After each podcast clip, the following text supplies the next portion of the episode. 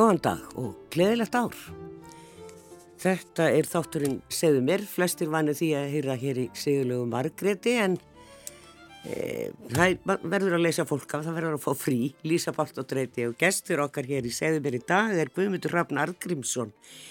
E, sjálfsagt þekktastu fyrir það að vera formaður leyendasamtakana hér á Íslandi en hann er landslagshannur, mentaður og svo er það hann sem hefur verið að selja okkur svona karmeliseraðar möndlunir í bæri eftir jól og gefa okkur jólalyktina á lögafi og bankastræti. Velkomin. Takk fyrir. Og takk fyrir að verða við þeirri beina að koma. Við ætlum náttúrulega að dvelja svolítið við þessi blessu, þennan blessaða legumarkað sem er hér á Íslandi og er ekki, hefur aldrei verið góður, bara hreinlega aldrei. Nei. Og uh, einhvern veginn hafa yfirvöld hér í þessu landi ekki einhvern veginn haft neina skoðun á þessu bæði maður heyrir sjaldan um þetta í kostningabaráttu og annað, það er ekkit, það er ekki búið að leggja neitt plan. Nei. Koma því á eftir, en, en hvaðan ert þú Guðmundur? Ert þú hérna úr borginni? Já, sko, móðið minn eh, er fættið í Reykjavík en, eh, og ég er sjálfur fættur hérna í Reykjavík og bjó fyrstu mánuði æfinnar á Baránstík 61 í kjallara íbúð Já. sem ég heimsótti bara óvart fyrir tilvinnum fyrir nokkur vikur síðan. Já, í fyrsta skipti.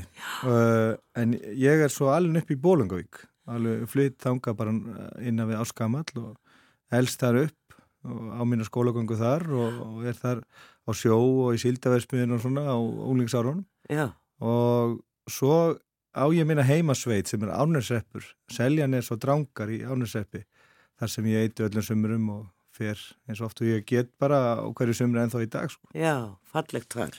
Já, gríðarlega. Já En mikið vandur að reka, reka þá sveit, það er nú mikla deilur verið það. Já, já. Já, já, einmitt. En e, þú mentar því síðan í, í landbúnarháskólanum í Danmörku. Já, ég fer uh, þá bara rétt hefðilega þrítur fyrir mér sent í nám. Skólaganga mín var svolítið brokkeng. Ég var til dæmis viki og grunnskóla því að ég var 14 ára gammal og fór það bara að vinna í sláturhúsi og síldaveðsmiðu en, en föðubráðminn uh, Sveit Kristinsson sem að, var kennari á Akarnesi, hann fóstraði mig og, þegar ég var 17 ára gammal Já. og ég var hjá honum í, í, þegar ég fór í fjölbættarskóla en ég lög því heldur ekki en Nei. því ég var 29 ára gammal þá þá ákvaði ég að uh, sækjum að verða arkitekt og ætlaði mér alltaf að verða bara hefðbundin arkitekt og hafði fengið inn í skóla í Portsmouth í Englandi, fór þangað og leist svo ekkit alveg á, á blíkuna uh, en uh, vendi mínu hvaði kross og fór til Danmörkur yeah. og byrjaði þar í landslagsarkitektur og var þar í sex ár og með einu ári einu stoppaði eitt ár í kunstakadéminu á Holmen í Kaupanöf þar sem yeah. ég svona vildi aðeins sjá hvernig námið var meðhöndlað á, í lista háskóla í staðin fyrir svona hefðbundum háskóla yeah. af því að það var þannig að námið í, í landbúnaháskólanum í Kaupanöf uh, var að sög uh, profesoruna þar sko voru vísindi ég ætlaði og vildi vera listamæður og þeir sögðu við mig þegar ég spurði hvenar við erum listamenn og fengjum að svona, vera með stórar handarhefingar á, á hérna, teiknuborðinu að þá sagði eitt profesor við mig Guðmundur, landslagsönnin er ekki list, þetta eru vísindi Já. þú vilt vera listamenn þá getur þú farið á, í kunstakadémina og ég prófaði það svo eitt ár sem var mjög forvitinlegt og Já. gaman að sjá hvernig fæðið var nál, hvernig það var svona nálgast á, á þeim Sko. Já, já, akkurat. En ég hef sett einhverju eftir og ég líka, akkur verði við ekki úr skóla 14 ára? sko ég var uh, uh, æfðu sund alveg frá því ég var 10-11 ára gammal og mjög góðu sundmaður og var svona einna bestu sundmannum í svona mín í kynnslóð. Já. Uh, æfði tvís ára dag á tímabili þegar á þessum árum Þannig að það var ekki eins og ég væri svona eitthvað svona gödustrákur. Nei, nei. En ég var bara, ég átti mjög erfitt með að sitja í skólastofinni í þögn og hlusta á kennaran og gera mína stafsendingaæfingar uh, þessa 5-6 klukkutíma á dag uh, án þess að vera að yrkja ljóð eða skrifa fyrir parta og taka þátt í samtölum og efna til þeirra og gera grín og svona. Þannig ég var svona einhvern tíman þegar ég var kennari sjálfur og var að lýsa mér sem nefnanda þá sagði einn, einn samstafskona mín á kaffestofunu í grunnskólanum þar sem ég var að kenna mikið voðalega hefur verið óþólandi þá ég verið svona krakki sem var erfitt að eiga við ég var aldrei dónalegur eða með eitthvað svona uh, sko leiðindi eða ótökt ég var Já. bara svona, ég átti bara mjög erfitt með þetta rými Já.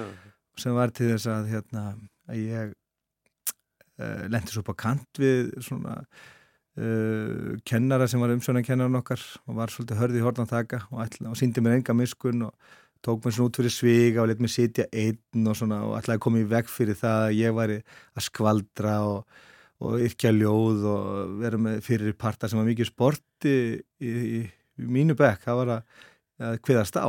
Já, já. Það var mikið sport öll unglingsárin.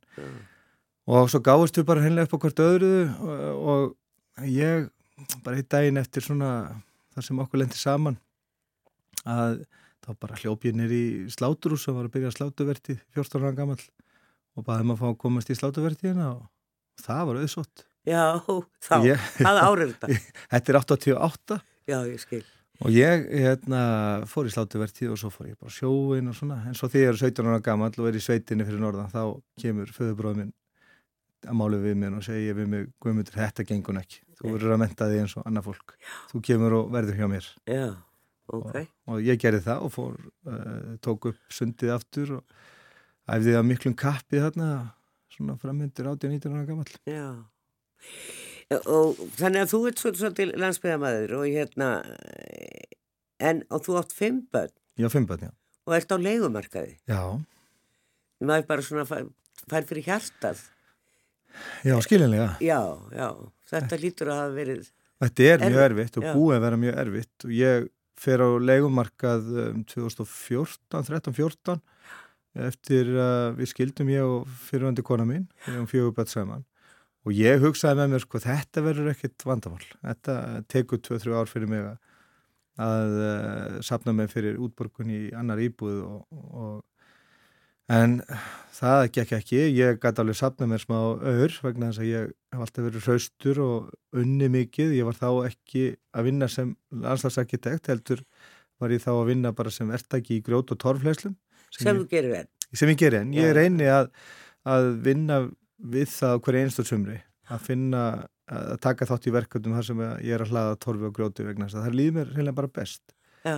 En, en sko, þú ert alltaf búin að vera þetta í Danmörku í námi, þá eru líklega að búa á stúdendagörðum eða hvað, hvernig var það? Nei, við, uh, við keiftum okkur íbúð bara uh, nokkur mánum eftir við komum út. Við reyndum að vera á legumarkaði, uh, við, þetta gerði svo hratt, sko. Ég, við vorum komin út í Postmó þarna bara í júli-ágúst 2001 og við ákvæmum að fara til Danmörku bara í ágúst. Þannig að ég ringdi undan mér í alla skóla og spurði hérna geti komist inn?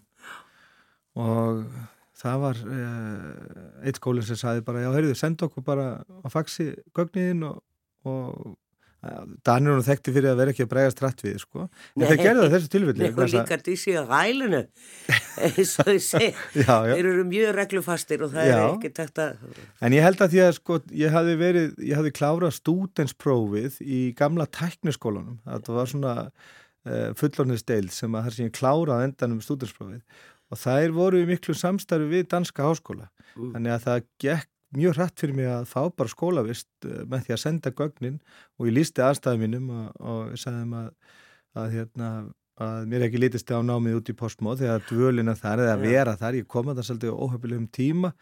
Þá svona áður en að háskólanar nefnarnir komið til postmóð að þá var uh, bærin fullur af ellilífistegum í sumafríi og þá búið að lýsa þessu sem svona íðandi háskólabæ og ég geng hérna bara inn á miðbæinn þar sem að ég sé bara ekki nokkuð dungmenni. Og þannig er svona að, að fóra að renna með tvær grímur. En við vendum okkur hvaðið kross og fórum mjög hratti við til Kaupanhafnar og, og fengum íbúð. Og ég man eftir því að ég flög fyrst út í Kaupanhafnar uh, og ég fekk uh, BT uh, í fangið í flugveil Æslandir hérna í byrjun ágúst 2001 og ég ætla nú svona að rifja upp dönskuna að ég hefði nú Eh, sko, áttið nýju og hálsás nám að baki í dönsku í gegnum alla mína skólagöngu Já. sem eru meiri dönsku nám heldur en bara Danin fær sjálfur. Og ég fer að lesa blöðin og fletti á miði síðin og þar stendur bara á stórum stöðum ómögulegt að finna húsnaði í Kaupmannöf Já. og, og þannig fer ég út og er þar í nokkra daga en finn blessunlega íbúð. Í þrísvar mjög tímabundið. Já, bara í sex vikur og þrjá mánuði. Þannig að við endum á að kaupa okkur og við keiptum okkur íbúð og það var dásanlegt að horfa á sko lánin lækka yfir allan tíma þess að vorum í námi og afborgarnar íbúðinni voru bara manni á sínum tíma sko komin nýri 30.000 krónu íslenskana mánuður sko. það er allt annað kerfi. allt annað Eh, Sko þegar ég býja núti þá er, var það þannig að maður borgaði ekki skatt, maður, að þá fekk maður bara launin já, og, og það var svona, eh, það færðist, svo, því meira sem ég eignaðist í íbúðinni, já, þá byrjar að borga skatt. já og, lík, og svo var líka þannig sko það er tekið með eitthvað mörg börn Já, Þannig að börnin sko það lækkaði skattaprósta þín til móts við skuldbundinguðina og skuldir íbúðinni og, og hérna vakstakostnað sem var sáran lítill og svo hversu mörg börn og áttir. Þannig að sko að þetta var bara, og það var ótrúlega gaman og, og ég man eftir hvað var gaman hreinlega bara að borga afborgunna hverju mánuði og sjá sem sagt í næsta mánuði það lækkar. hvað höfustólinn hafi lækkað. Þetta var ný upplifun fyrir okkur vegna við höfum keift okkur íbúð í hlýðunum 1998 70 fermetra kjallar íbúð á 3,6 miljónir ég veit að hún kostar yfir 50 miljónir í dag. Hún hefur hugsaði þér. 12-14 faldast í verði Já, á þessum tíma. Og það hérna, þannig að þetta var það var, það var mjög gott að, og mér, mér fannst mjög gott að vera í Danmarku það var mjög gott að búa þarna á öllu leiti já, það er mjög gott að búa þér.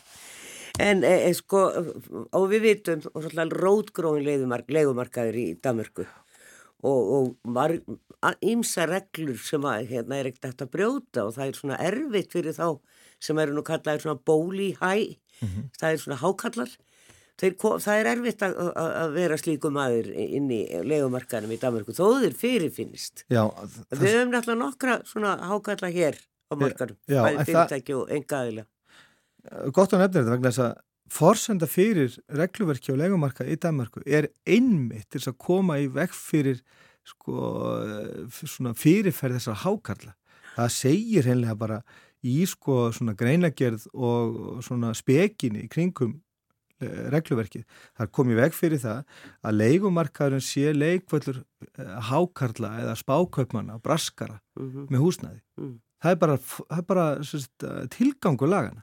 En hérna á Íslandi erum við með fjórða lagasta regluverka á leigumarkaði af öllum ósýttiríkjónum. Við erum bara með Stórabreitant, Nýjasjöland og Ísrael fyrir aftan okkur og við erum við þá sér fjögur lönd áberandi lagasta regluverki af öllum þessu ríkjum og sem að gera íslenska leigumarkað með þessa svona skort húsnæðistefnu að fullkomnum vettvangi. Við sjáum þetta bara í öllum fréttum, bara hvernig fjárfæstar hafa sópað upp húsnæði. Yfir 70% af öllu húsnæði, þetta er, þetta er e, alveg ótrúlega staðrind sem ég hvergi rekist á í nokkur öðru ríki í veröldinni, er að 70% af öllu húsnæði sem hefur orðið til á Íslandi frá 2005 hefur endað höndum fjárfæsta eða þeirra sem eru ekki að kaupa sér heimili. Já, já. Þetta eru 70%. Þetta er allar við rosalegt. En já, já, já, ég meina það er bara, það er svona þetta viðmót hér kannski á Íslandi er að, að hann er svo duglegur, hann á fimm íbúður. Já, já, þetta búið að hafa verið að hampa þessu fólki. Ég man eftir fréttum hérna fyrir COVID, þar sem var verið að hampa uh, fólki sem að hafi eignast 30, ég man eftir að að tala mikið um eitt fjárfæstur sem átti 65 íbúður og ætlaði sér eignast 100 og inn á skamtíma legumarkaðin. Já, Og honum var hampa sem svona bara Dugnaður drifnum- fólki. Dugnaður fólki og, og svona skapandi einstaklingi sko, sem að ætla að nýta sér þessa ferðamanna bylgju en það var enginn að spá í þessu gríðarlega miklu samfélagslegu áhrif sem að þetta hefur. Þegar verið að taka íbúðir sem hafa kannski verið til íbúða fyrir fjölskyldu í áratvíu hreinlega taka þær út af markanum á meðan að við erum enþá að, að glíma við hennar gríðarlegan húsnæðaskort sem að verður til uh, eftir hrunið. Það er ekki byggt á Íslandi alveg fram til 2015 en einu ráði já, að 2016 er aðeins verið að byrja og þá er eftir að fylla upp í þessu hólu og 2017 og 18 þá uh, hrúast uh, þúsundur íbúða inn á skamtímulega markaðin uh, og er keift upp af fjárfestum á þessum árum Já. á, en samt sko hugna, náum við ekki að horfa á heilda myndina vegna þess að, að við erum að hampa því fólki sem er að sópa upp húsnæði uh, bæði bara sem fjár, skamtíma fjárfestingu og ætla sér ekki að leiða þetta út, ætla að hafa þetta bara tómt vegna þess að það var fyrir séð að það var innistæði fyrir gríðalegum hækkunum húsnæðismarkaði, það var bara að skrifa um þetta strax árið 2014, Já. menn vissu það alveg að vegna þess að húsnæði hefði ekkit hækkað og það hafði ekkit verið byggt að það myndi hækka gríðalega húsnæði þannig að að besta fjárfestingin var að kaupa húsnæði alveg óhvað því hvort það var þetta hagnast að leikumarkað ekki, Já. bara með því að eiga húsnæði í, í skamman tíma. Það var góð er góð fjárfesting, Já. en það reyndist að vera að húsnæði var kannski hækka um 20% og allt upp í 23-4% á ári meðan að innláksvægsti voru kannski 3-5% Já, að, að, hérna, að þetta mann gætu séð þetta fyrir. En það er mjög skrítið að, að sem maður horfir tilbaka að það eru er engar fyrirætlarnir um að breyðast við þessu. Heldur engungu bara að veita þeim sem að gátu uh, vettvang til þess að aðtapna sem, sem er þetta fjö algjörlega óháð því hvernig áhrifin eru á almenning já, sem að eru bara skelvileg já, bara fyrir utan. lýsa þessu sem ein, eins konar hamförum Ég þekki þetta sjálf Já, hvað já. þetta er aðalegu markaður. þetta er hræðilegt, þetta er hræðilegu staður já. þú sér það bara að það eru 90% leyenda sem vilja ekki vera á legumarkaði þetta er í raun og sann ofbeldis samband þegar þú ert með uh, fólk fast í fyrirkomulagi þar sem að vill ekki vera þetta er nauðungavist og ofbeldi og það verður bara að segja það eins og það er og þetta er það sem að við þurfum að horfast í augu við þetta að við erum búin að skapa húsnæðsmarkað uh, þar sem að 90% af fólk uh, íbúanum þau vilja ekki vera þarna vegna þess að þetta skadar þau. Og það sína allar ansóknir og kannanir að þetta skadar fólk þessi dvöl á legumarkaði við erum með langhæstu flutningstíðinu í allir Evrópu. Árið 2014 var hún uh, langhæst sanga tölum Eurostat. Þá eru 90% leyenda sem flytja innan 5 ára Já, við erum búin að mæla það að, að þetta er nákvæmlega eins í dag að meðal flutningstíðin er 21 mánuður og þetta er náttúrulega mjög alvarlegt fyrir fólk að þurfa að flytja gegn vilja sínum. Það er Já. allt annað þegar maður tekur upp að sjálfum sér að flytja vegna þess að maður finnur húsnæði sem er hagstæðar. hagstæðara og betri stað og þarna sér maður framtíðina fyrir sér og jafnvel þó að sér bara vegna vinnu. Ef þetta er gert að þeim nótunum en þegar að vera að rýfa fólk upp gegn, gegn vilja sínum flytjanda millir hverfa og sveitafélaga með allt sitt hafutask og börn og, og alla þá félagslega röskun sem því fylgir að það er mjög alvarlegt og það uh, veldur andlegum áföllum fyrir fólk sem að það er langan tíma úr og tekst kannski aldrei. Já, þetta þarf náttúrulega ekki að vera svona. Og það er kannski líka þetta viðmót sem að maður hefur nú upplifað og ég veit ekki hvort að þú hefur upplifað það. En það er svona ákveðin skam að vera á legumarkaði á Íslandi. Já, það er Sérstaklega þegar að fólk er komið eitthvað á einhvern aldur. Já. Skiljanlegt út 19 til 25 ára. En eftir það, hvað, átt, ákkur átt ekki íbúð? Já, það er svona svolítið svona undirliggjandi, maður, þetta er kannski aldrei almenna sagt við mann, maður finnur það bara, ég, ég, ég finn það mjög stert í viðmóti svona fólks í kringum mig að uh, sko sérstaklega eftir ég fór láta á mig bera sem, uh, sem leiðandi að svona fólk veit ekki hefði á tilfengjum að fólk veit ekki alveg hvort það er að finna til með mér eða hvort að svona ég sé svona jafn gildur uh, samfélagstegn vegna þess að ég er fastur á legumarkaði og, og, og svona uh, hefur það vekið aðtikla því. En ég bara uh, hef upplýðað sjálfur að sko ég manið að ég flutti í, í götu í Vesturbænum fyrir ekki svo lengur síðan að, að, ég hitti þar einn mann á förnum vegi og var svona að kynna mig og lýsa því hver, ég- byggja og svona að þá uh, kinkaði við komandi koll og segja að já þú ert leiðandinn Já, að því að sko það var ekkit mikið um leiðandur í göttunni nei, þannig að það var svona já þú ert sá þú er já. já, það er einnið í göttinu sem leigir. já, Já, hugsaði. að það, Þetta er, þetta er náttúrulega Sko, svo er alltaf verið að stopna nefndir og ráð og, og þá er alltaf að reyna að leysa þetta. Þetta er svona í orðræðinu í, á yfirvöldum. E, stundum hefur ég tekið eftir því að það er ekki einasti meðlumir í þessum ráðum og nefndum sem er á lífumarkaði. Nei, þetta er alveg stórmerkilegt og ég uh, man eftir því að fyrst svona tók þátt í vinnu hjá ríkinu það var í mars í fyrra, mars 2022 að þá uh, uh, var það Ragnarþór Ingólfsson, formaði Vaffer sem að krafðist þess að leyendur fengju plás í starfsópi um legumarkaðin Já. sem að var ekki gert ráð fyrir. Það voru 22 hagaðilum bóðið að vera í tveggja dagar svona vinnuhóp sem átt að vinna í, yfir svona tvo langa vinnufundi uh, um, um legumarkaðin þar var ekki gert ráð fyrir leiðjanda og hann krafðist þess að Ragnarþór uh, að því að hann er nú mikill stuðnismæður leiðjandasamtakana og hefur barist einna hardast fyrir hagsmun leiðjanda að fulltrúi leiðjandasamtakana fengis pláss við þeir, uh, í þessum, fund, þessum uh, vinnuhópi en þar var uh, ég eini leiðjandi, þar voru 22 aðrir fastegna eigundur sumi hverju leigusalar Já. og högnuð sérlega bara á afstandinu en þarna afట్లాði fólkið sem hafi enga reynslu af leigumarkaði ráðstafa því og, og fyrirkomar og, og sagt, með að fyrirkomulega leigumarkaðar sem að gera. Þetta er svona nákvæmlega eins og hvenna ástefna um uh, málefni hvenna í Sáti-Arabi þar sem að sitja bara 50 kallar. Sko.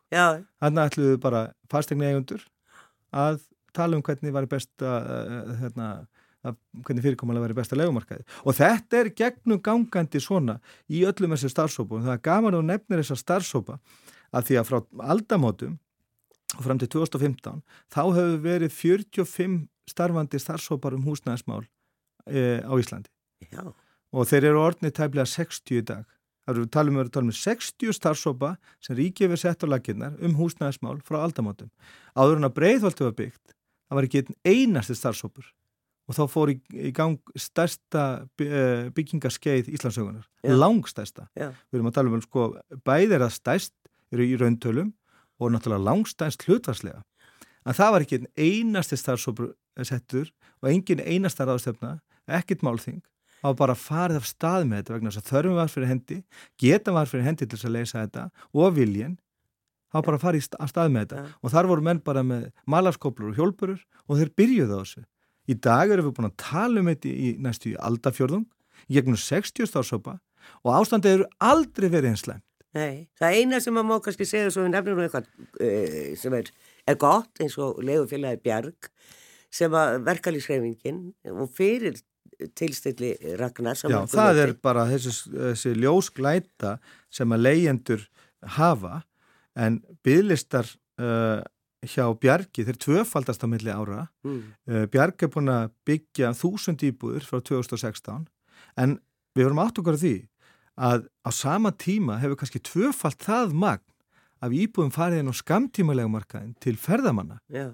þannig að við erum sko að meðan við erum að reyna að uh, hjálpa Bjarg við að, stækka uh, Eh, fyrirtækið eða fjölga já, já. íbúðum að þá eru, eru tvöfald fleiri íbúður að fara í, út af markanum í eh, skamtímanlegu til ferðamanna. Já, sko eh, hvað, hvað eins og ég segi þessir, þessir hópar hafa verið þarna hafa verið bent á ýmsar leiðir sem hægt væri að fara. Við getum til dæmis tala við tölum um almennar íbúðir hér sem að er ekkert almennar, þetta, þetta er átekjum og, og eins og gefur að skilja þú með fimpa til dæmis að, að e, þá þarf hvað gerur húsarlegan er upp undir 400.000 fyrir 5 herbyggja íbúð og hvað gerur þú þá? Þú þarfst að vinna meira og þá þarfst að koma ámleika tekjur til að geta farið og sótt um hjá bjergi til dæmis. Já, já, og þú og, og þú getur ekki fengið húsalegubætur að því að það er svo mikla tekjur já, já. en 50% af tekjanum og rúmlega það fer í húsnæðiskostna. Já, þetta er ástæðan fyrir því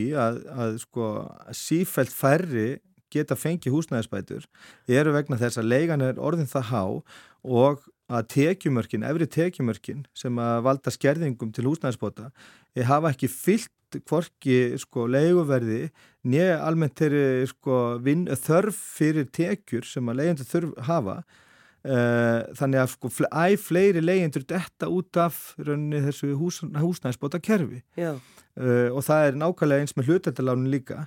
Sko hluteldalánin sem áttu líka að vera eins konar laust fyrir leyendur þar eru tekjumörkin þau að sko að uh, hámastekjurnar eru 19% um harri heldur um lámaslögn sem segir okkur það að þetta er náttúrulega sko það er ekki gert ráð fyrir þetta að sé almennt hægt að nota þetta. Nei. Þannig að ef þú ert leiðjandi með fjölskyldu þá getur ekki verið með lámaslögn. Það bara segir sér sjálft þegar að leiguverð á fjölskyldu íbúð er almennt komið upp í 400.000 sem er sama á lámaslögn í dag, þau eru 406.000 og það er nákvæmlega sama upphæð og bara venjuleg húsalega á 110-500 íbúð, þetta er ekki að vikið orðið Já. að þá þert að náttúrulega vera með tvöfaldæri tekjur sem þýðir það að þú getur ekki nýttil höfðvöldalánin, þú fara ekki húsnæðisbætur, þetta er fátagra gildar og það er ekkert verið að meina með þessu. Og eins með almenna íbúðir. Okkur var uh, talið trúum að almennar íbúðir var einhvers konar þýðing á dönsku lögunum um almenni bólýjar það er bara alls ekki, þetta er ekki þetta er nánast ekki skilt vegna þess að almenna íbúðakerfið það er, er, er, er gríðarlega stort kerfi í Danmarku, það er fymta hvert uh, húsnæði, 20% allir húsnæði í Danmarku er almenna íbúður þar sem að sko hver, uh, hvert verkefni er ekki á kostnæði þar segja að tekur, að kostar eitthvað ákveð að byggja þetta húsnæði hérna Já. og svo tekur leigan bara með að því að borga neður þetta lána á 40, 50, 60 alveg upp í 80 árum og það er engi sem hagnast á því og það er engi tekjumörkati fyrir alla Já. það getur allir komist inn í þetta Eins með hluteldalánin, okkur var talið trúum að hluteldalánin var einhvers konar þýðing á skosku lögunum um, um hérna, shared equity loans og open equity loans. Þetta var mér svo kynnt þannig af ásmöndeina daðasinni uh, þáverandi húsnærsmálurraðara og hann bauð mér þess að hérna, skoska kollega sínum hinga til þess að, að kynna þetta.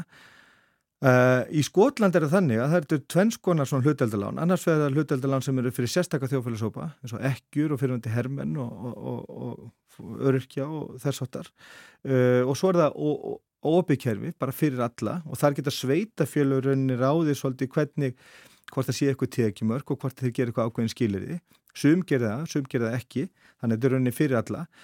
En uh, reyn munurinn er sá að í Skotlandi þartu ekki að borga þetta hluteldalán tilbaka og þar er það allt upp undir 60% að verðmætti húsnæðisins. Þú þart ekki að borga þetta tilbaka fyrir en þú selur og þú getur gert það bara dag... Er það ekki þannig hér? Nei, í dag er það þannig að láni gjaldfellur eftir 10 ár. Það er að segja, ef þú kaupir íbúð í dag og þú færð, segjum bara 15 miljónir frá ríkinu til þess að í 20, sem 20% eða 10 miljónir uh, og svo líða 10 ár og ef að uh, verður álíka hraði á hækkun húsnæðis uh, uh, næstu tíu ár eins og búin að vera síðustu tíu ár þá eru talað um kannski 150% hækkun. Þar að segja þá mun þetta uppæð höfustól sem að ríkið setti inn með 15 miljónir þá mun hann verða orðin tæmlega 40 miljónir og að, eftir tíu ár þá gjaldfællur þetta lán. Það er að segja, ef að þú hefur ekki náða að sapna þér þessa 40 miljónir sem þú þarfst að borga ríkun eftir 10 ár, á þessum 10 árum, þá Uh, og, og það þarf það að leita ráðgjaf hjá, hjá húsnarsmannvíkjastofnun og þá mun uh, vera að skoða hvort að þú getur ekki endur fjármagnar láni sem þýðir að þú þarf að fara til einhvers af visskeittböngunum, taka verðriðt lán vegna þess að ef að félagslega staða þín hefur ekki batnað þeim en meira þá myndu bara geta tekið verðriðt lán hjá uh, einhverjum af visskeittböngunum og þá ertu komin á byrjunarreit aftur með 25-40 ára verðriðt húsnarslán fyrir 30-40 miljónir sem þýðir það að þegar að þú kemst á lífeyrisaldur þá ertu uh, mjög líklega, mjög nála því að uh, sko að borga hæsta hlutvall af höfustóli þessi verðtæðarláns vegna þess að verðtæðarláni þau, þau hækka svona fyrstu 80% lánstímanum Uh, mjög mikið hlutvallir við sko, almennt uh, hækkun húsnæðisins mm -hmm. það er ekki fyrir svona síðustu 15-20% af lánstímanum sem þú færi raunin að borga láni niður og það eignamyndinun færði að verða, verða almennileg í hlutvallir við lánið Já. en þegar þú kemst á lífeyrisaldur getur vantilega ekki staðið undir því að borga bæði láni sem þú tókstu uppalega og svo þetta endur fjármagnaða lán sem þú þurftir að taka vegna þess að þú hafi getur til þess að þá þarftu mjög liklega að selja undan þér húsnæðið og auðvitað þú munt náttúrulega hagnast á þínum 80% sem þú átt, mínus þann skuldir þetta eh, vennilega húsnæðislegan en þú ert alltaf að borga ríkinu og í raunin er þannig að sá aðli sem mun alltaf hagnast og hagnast mest á þessu er ríkið vegna þess að þetta hlutafið sem að ríki setur inn í e, Íbúðina. íbúðina það mun hækka langt umfram alla innlánsvesti og alla aðra uh, ávastunum möguleika ríkisins. Ríki mun alltaf koma mjög vel út úr þessu en það getur verið mjög hættulegt fyrir þig þegar það kemur að því að þú þarfst að fara að endur fjármagnar láni eftir tíu ár. Þetta er reygin munurinn á skoskuleginni og íslenskuleginni og það er alltaf þannig.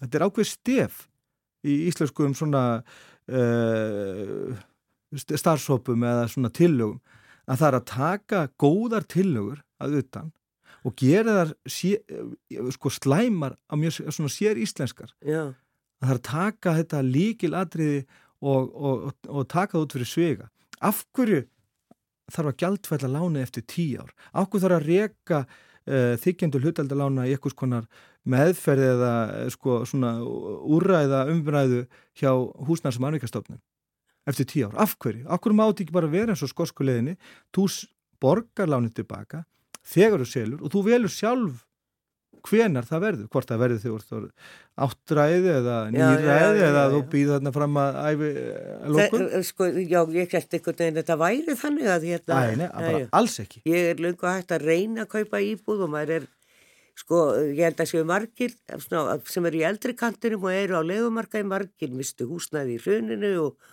og hafa ekkert komist út af legumarkanum aftur. Það maður gáir ekki deilu sinni að því vegna þess að þetta er bara vonlaus staða. Húsnæðismálin er vonlaus staða, sama hvort þú ert að kaupa í dag eða leia. Mm -hmm. Og það er einhvern veginn, þetta er alveg afskaplega áriðandi mál og við vitum það, þetta er, þess er alltaf sagt núna allir mis, það eru kostningar ekkert íkja langt í þær og kannski verða þær fyrir en setna. Það er alltaf sagt, það verður að leysa húsnæðisvandan. Þetta eru mannréttindi og, og bara mannu að fólk að ég þakka fyrir höfu og getur búið svona nokkur meginn stabílt mm og byggt upp sína fjölskyldu eða sem einstaklingar að skiptir ekki máli. En það er aldrei neitt gert. Við höfum ekki mikinn tíma eftir, Guðmundur, en sko hvað finnst þér að eigi að gera? eins og segir, það er 60 hópar núna frá, frá alltaf að rýna í þetta og, og komi til og það er aldrei neitt gert. Já, það þarf að herða regluverkið hérna. Við sjáum bara það að slagt regluverk, það veldur húsnæðiskorti. Fyrirferð uh, braskara á húsnæðismarkaði veldur húsnæðiskorti. Það hafa hállenskir háskóla sínt í gangum rannsóknir að ef að hlutvall þeirra fer yfir 20% af kaupmyndahófnum þá veldur það bæði verðhækkunum og skorti á markanum það þarf að koma í veg fyrir það að, þessi fjárfestar séu svona fyrirferðar miklir á kaupendaliðinni inn á húsnæðismarkaði vegna að það er verið að byggja húsnæði til þess að Íslandingar eða íbúar hérna á landinu geti eignast heimili. Þetta er ekki fjárfestika tækifæri ef að menn vilja hagnast með þessi sparifið, bara kaupa sér ísbúði þetta er ekki vegstæði. Láta húsnæði í fríði. Þetta er forsenda allrar annarar velferðar í landinu og verður að umganga húsnæðismálinn sem slíkt. Já. Það verður. Já, auðvitað. Það er ekkit annað í stöðinni Nei. og þetta er mjög hættulegt núna bara ef við horfum aðeins fram í tíman við sjáum bara hvernig aldurshóparnir á leikumarkaði verið þróast að lífverðisjóðunir er að fara að lenda í því að stórir hópar þeirra sjós, sjósfélaga verða á leikumarkaði við komin á, á, á, á lífverðisaldur og það eru lífverðistegar sem að hafa það allra vest af öllum á íslensku leikumarkaði og er þetta þó slemt fyrir, fyrir alla. Já, já. Þetta verður mjög hættulegt ástand. Já, það, ég get tímut að það, það er, þetta er ekki gott. En sko, eignarétturinn hér er, er svo ofsalega sterkur. Það er alltaf, nei, ég á þetta, ég má þetta. Og það er einhvern veginn, ef þú átt eitthvað þá ertu varin, e, semst, í bara laga um hverfinu. Mm -hmm. Og það má aldrei ganga neitt á það og þú mátt einhvern veginn halda áfram endalust og eignast meira og meira og meira. Mm -hmm en uh, eftir sitja þeir sem ekki hafa haft möguleika á að, að komast í þá stöðu. Nei, eignarætturinn var nú ekki hugsaður sem þannig að þú mætti gera hvað sem er við eigur þínar. Mm. Eignarætturinn var nú hugsaður þannig að til að koma veg fyrir það að ríki getur tekið eigur þínar af þér. Þannig er hugmyndin um eignarættin. Það er ekki þannig að þú getur keift hvað sem er og gert hvað sem er við það. Það eru bara, við, við erum með alls konar reglur sem að takmarka Eh, aðtapna sem er þína með eigu þínar og þannig ættu auðvitað að vera með húsnæði líka. Það eru mörg ríki í Evrópu sem að setja skorður um uppkaup eignafólks á húsnæði og þeir gera það til þess að verja vegna þess að almanna heitlir undir. Og, og í, í sko krafti almannaheil getur ríki sett alls konar uh, takmarkan og gerir það hverjum einsta degi gegnum alls konar reglugerðir. Og við búum bara við það fyrirkomulega og höfum alltaf gert. Þannig að það er ekkit nýtt og það er ekki ný hugmynd að setja einhverju reglur um aðdarnarsemi á húsnæðismarkaði. Að sjálfsögða þetta að vera þannig. Já Þetta er, eins og segjum, ófremdar ástand, það hefur í rauninni ekkert breyst nema Bjarg kom til sögunar. Já, blessunarlega. Já, blessunarlega, en annars uh, er þetta status quo, ef við getum sagt svo. Guðmundur Hrafn Argrímsson, ég þakka að kella fyrir að sitja hér og spjalla við okkur og ein, einna fróðastur á, legumarkanu hér í dag. Takk fyrir mig. Formaður leiðandarsamtakana. Við ætlum að heyra hér í lokinni löfi Lín, hún er geysi vinsal hér á Íslandi, hún er búin að slá í gegn víðara hér California and Me heitir lægið verðið sæl.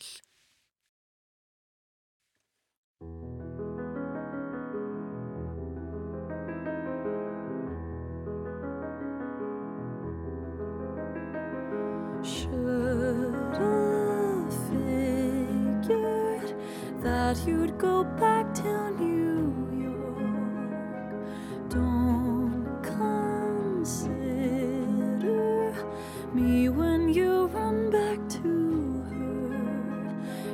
don't have to hide it, I know why you went. Said you needed space, I know